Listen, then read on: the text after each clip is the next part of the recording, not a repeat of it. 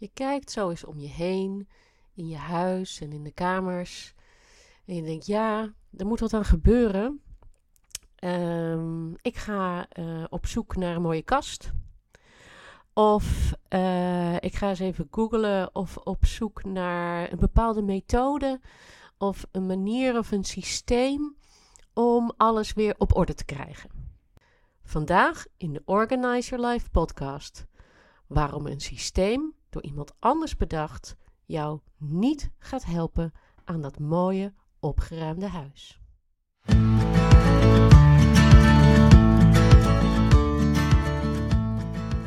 Welkom bij aflevering 19. Uh, en deze aflevering heet Nee, je hebt geen systeem nodig voor een opgeruimd huis. En waarom zeg ik dat? Um, omdat voor zo'n systeem eigenlijk hetzelfde geldt als voor al die andere opbergoplossingen die aangeboden worden. Um, het lijkt de oplossing, maar het is het niet. Omdat dat systeem of die kast of die bakjes hebben namelijk niets te maken met de grotere vraag of het, het grotere geheel wat speelt achter waarom jij zo'n huis hebt met heel veel spullen. Kijk, er zijn heel veel methodes bedacht om op te ruimen en ze werken allemaal voor bepaalde mensen. Maar ze werken ook voor een bepaalde groep mensen, werken ze niet. Omdat er vaak helemaal niet wordt stilgestaan bij het waarom. je bent van buiten naar binnen aan het werken.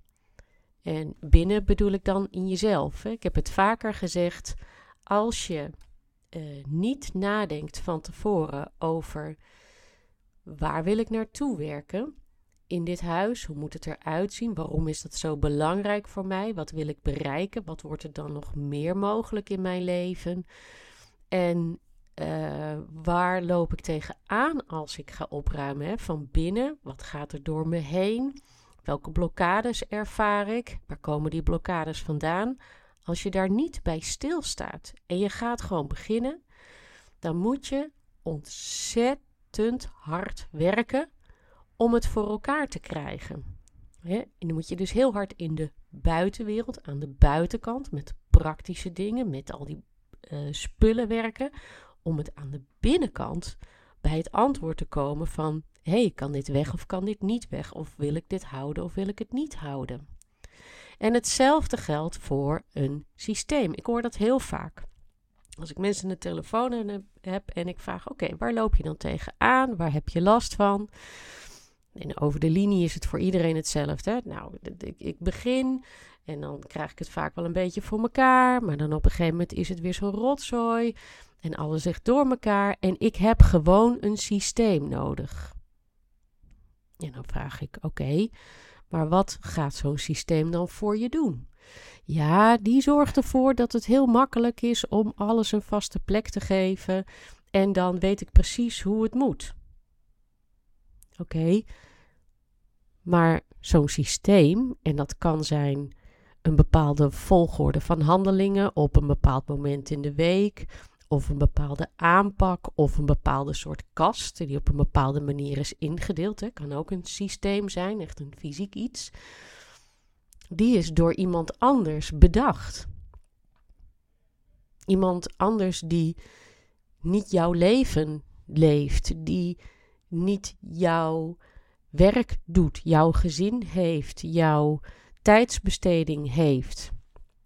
Dus het is altijd heel erg lastig als je iets buiten jezelf zoekt om een oplossing te creëren in jouw omgeving waar jij van binnen heel erg veel last van hebt, namelijk de onrust die je ervaart van de rommel om je heen en ook de blokkades die jij ervaart op het moment dat jij probeert daar wat aan te doen.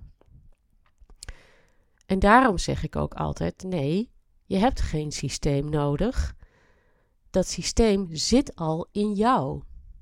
Alleen je wordt gehinderd door die blokkades, door de niet wetenschap dat je daardoor gehinderd wordt en dat daar dus de oplossing in zit. En daarom begin ik altijd met uh, mijn klanten, met eerst met vertel eens. Waarom is het zo belangrijk? Ik heb een tijd geleden iemand gesproken, misschien heb ik het eerder verteld, ik weet het even niet meer. Uh, dat is een oudere mevrouw. En uh, woont in een groot uh, huis. Heeft ze jaren gewoond met haar man. Haar man is er inmiddels niet meer. En uh, het, het, was gewoon nooit nodig om kritisch te kijken naar alle spullen die ze bewaarde. Maar nu ineens, ja, nee, het moest. En ik ging doorvragen, maar waarom? Waarom moet dat nu ineens? En het is heel grappig, op het moment dat ik die vraag stel, dan krijg ik altijd een beetje zo van, ja, nou ja, ik, ik, ik wil het gewoon opruimen. Ja, dat snap ik. Anders had, had ik je nu niet aan de telefoon. Maar waarom? Waarom is dat nu ineens zo belangrijk na al die jaren? Nou, daarna heel lang doorvragen en zoeken kwamen we dus bij het antwoord, namelijk dat ze het haar kinderen niet wilde aandoen. En die hoor ik ook heel veel. ik heb zoveel verzameld door al die jaren heen. Ik merk dat ik er last van heb. Ik zie het in mijn kinderen terug. Dat, dat een van de, de een of meerdere van de kinderen in het gezin uh, uh, ook moeite hebben met dingen wegdoen. Hè. Dat is logisch. Dat hebben ze dus natuurlijk ook gezien van jou. Um, maar dat op een moment dat het besef komt wat voor letterlijke, letterlijke en mentale ballast al die spullen met zich meedragen. En ook de moeite die het kost om er vanaf te komen, waardoor je dus ook niet van die ballast afkomt. Dat mensen dat heel graag hun kinderen niet willen aandoen. En dan kom je dus bij de echte reden waarom je iets wil doen. Nou, dan heb je in ieder geval heel duidelijk voor ogen van, hè, dit is waarom ik het wil doen, in plaats van, nou ja, ik wil gewoon een opgeruimd huis. Ja, dat willen er zoveel, maar het zijn er ook zoveel die het niet lukt. Snap je? Dus hè, daar ga ik dan naar op zoek. En daarna gaan we op zoek naar de blokkades. Nou ja, en die zijn in basis, uh, hè, dus de, de gedachten of de overtuigingen die iedereen heeft, waarom iets wel of niet weg kan, of waarom ze iets wel of niet ergens afscheid van kunnen nemen. De, de, de zeg maar de oppervlakkige gedachten, zoals ik het zo eh, mag noemen, uh, zijn eigenlijk voor iedereen hetzelfde. Hè? Het is zonne, het heeft zoveel gekost. Iemand anders kan hier nog wel plezier van hebben. Maar ook daar ga ik dan doorvragen. Waarom is dit zo belangrijk? Hè? Waarom vind je het zonde? Waarom moet iets een tweede bestemming krijgen? En hoe ik over de tweede bestemming denk, dat kunnen jullie in aflevering 16 terugluisteren. Um, en daar kom je dan bij die blokkades. En ook daar vraag ik op door. En ik merk ook heel vaak uh, dat mensen een beetje ongeduldig worden van, uh, ja, maar nou, dat is gewoon zo en dat vindt toch iedereen. En uh, nou ja, de, de, de, de, zin die je uit, hè, het is zonde of, of het heeft zoveel gekost, ja, dat zegt iedereen. Maar de, de reden waarom dat voor jou zo geldt is, voor heel veel mensen, is dat wisselend.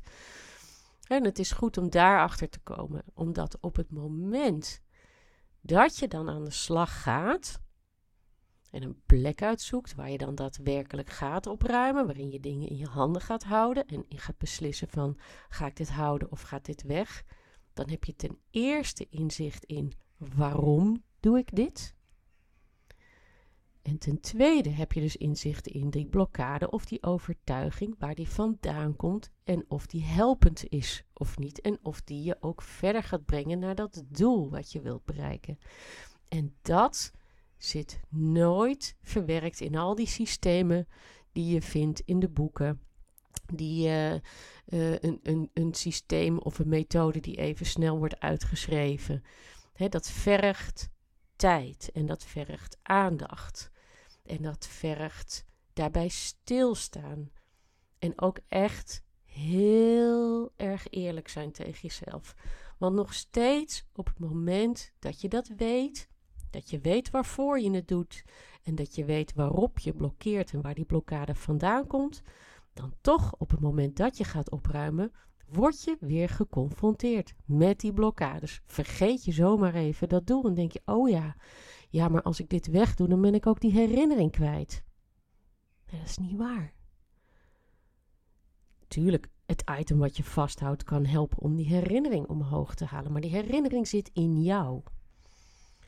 En de reden waarom je daarop blokkeert en waarom dan ineens die saboteur weer in jou naar boven komt, dat is je ego. En er is geen systeem, geen opruimsysteem, geen kastsysteem op de wereld wat jou helpt om in te zien hoe die ego in jou werkt. Je ego is er voor je om jou veilig te houden, om jou in je comfortzone te houden. En je comfortzone, dat klinkt als iets fijns, hè? als iets, nou, daar, daar is het comfortabel en daar is het bekend en daar doe ik niks geks. Nee, dat, dat klopt. Precies dat. Het is veilig, het is bekend en er gebeurt niks geks. Maar die comfortzone, of die ego die jou daarin houdt, en die comfortzone, die zorgen er niet voor dat jij andere dingen gaat doen. Dat jij andere beslissingen gaat nemen die jouw leven veranderen. Waardoor je dus wel van die ballast afkomt. Waardoor je wel die verlichting ervaart als die spullen weg zijn.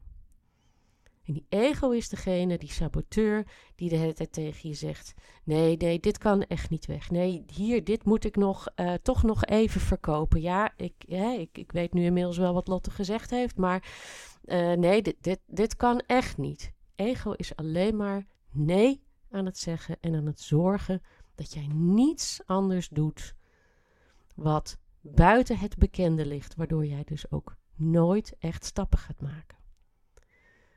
En daarom coach ik altijd op probeer eens een andere beslissing te nemen. En dat hoeft niet meteen met de erfenis van je ouders of dingen waar hele grote emotionele waarde aan zit. Dat kan ook gewoon een tas met kleding zijn die je al een hele tijd bewaart en van je denkt, nou die ga ik nou maar eens te koop zetten. Hè? Of, of daar moet toch een tweede bestemming voor komen. Of uh, nou ja, als ik nog een kilo afval, dan kan ik hier toch nog ook misschien toch nog wel een keertje in. Dat is allemaal je ego, die alleen maar bezig is om jou in je comfortzone te houden, zodat er nooit iets verandert. Want die verandering, dat vindt je ego dood en doodeng. En er is geen systeem, ik zei het al eerder, wat iets doet met die gedachten, met die blokkades en met die ego. En dat systeem, dat heb ik wel ontwikkeld. En daarmee zie je dat mensen in het begin met kleine stapjes, maar later toch steeds sneller en sneller en sneller resultaat gaan halen. Nou, nog even herhalend. Dus als je denkt, ik heb een systeem nodig om te kunnen opruimen en het, je hebt gewoon te veel spullen, is dat niet de oplossing. Je zal eerst van een overvloed aan spullen af moeten komen om vervolgens te kunnen toewerken naar een uh, patroon van handelen, van opruimen, waardoor je altijd heel snel dat opgeruimde huis krijgt. Maar het begint bij jou, niet bij dat systeem. Nou, ik hoop dat je er wat aan hebt gehad. Uh, wil je tips? Ik denk super graag met je mee. Stuur me een berichtje via Instagram. Uh, ik ben ook altijd super benieuwd naar je reactie. Um, zeker van alle vrouwen die weer rust en ruimte en overzicht hebben weten te creëren uh, door middel van uh, tips of de dingen die ik vertel. En laat me weten hoe dat voor jou werkt. En, en wat lukt en wat niet lukt en of ik je ergens mee kan helpen. Um, ik zou het ook heel erg waarderen als je een review achterlaat van deze podcast op het platform waar jij luistert. Dat helpt namelijk enorm voor de vindbaarheid van deze podcast voor anderen. Heb je misschien iemand in gedachten voor wie deze podcast interessant kan zijn? Deel dan vooral ook de link. Um, wil je nu beginnen, maar heb je niet veel tijd? Dan heb ik een gratis opruim kickstart gids. Uh, met korte, bondige, to the point, super eenvoudige taken die echt iedereen kan doen om gewoon ook in beweging te komen. Um, en dankjewel voor het luisteren en tot volgende week.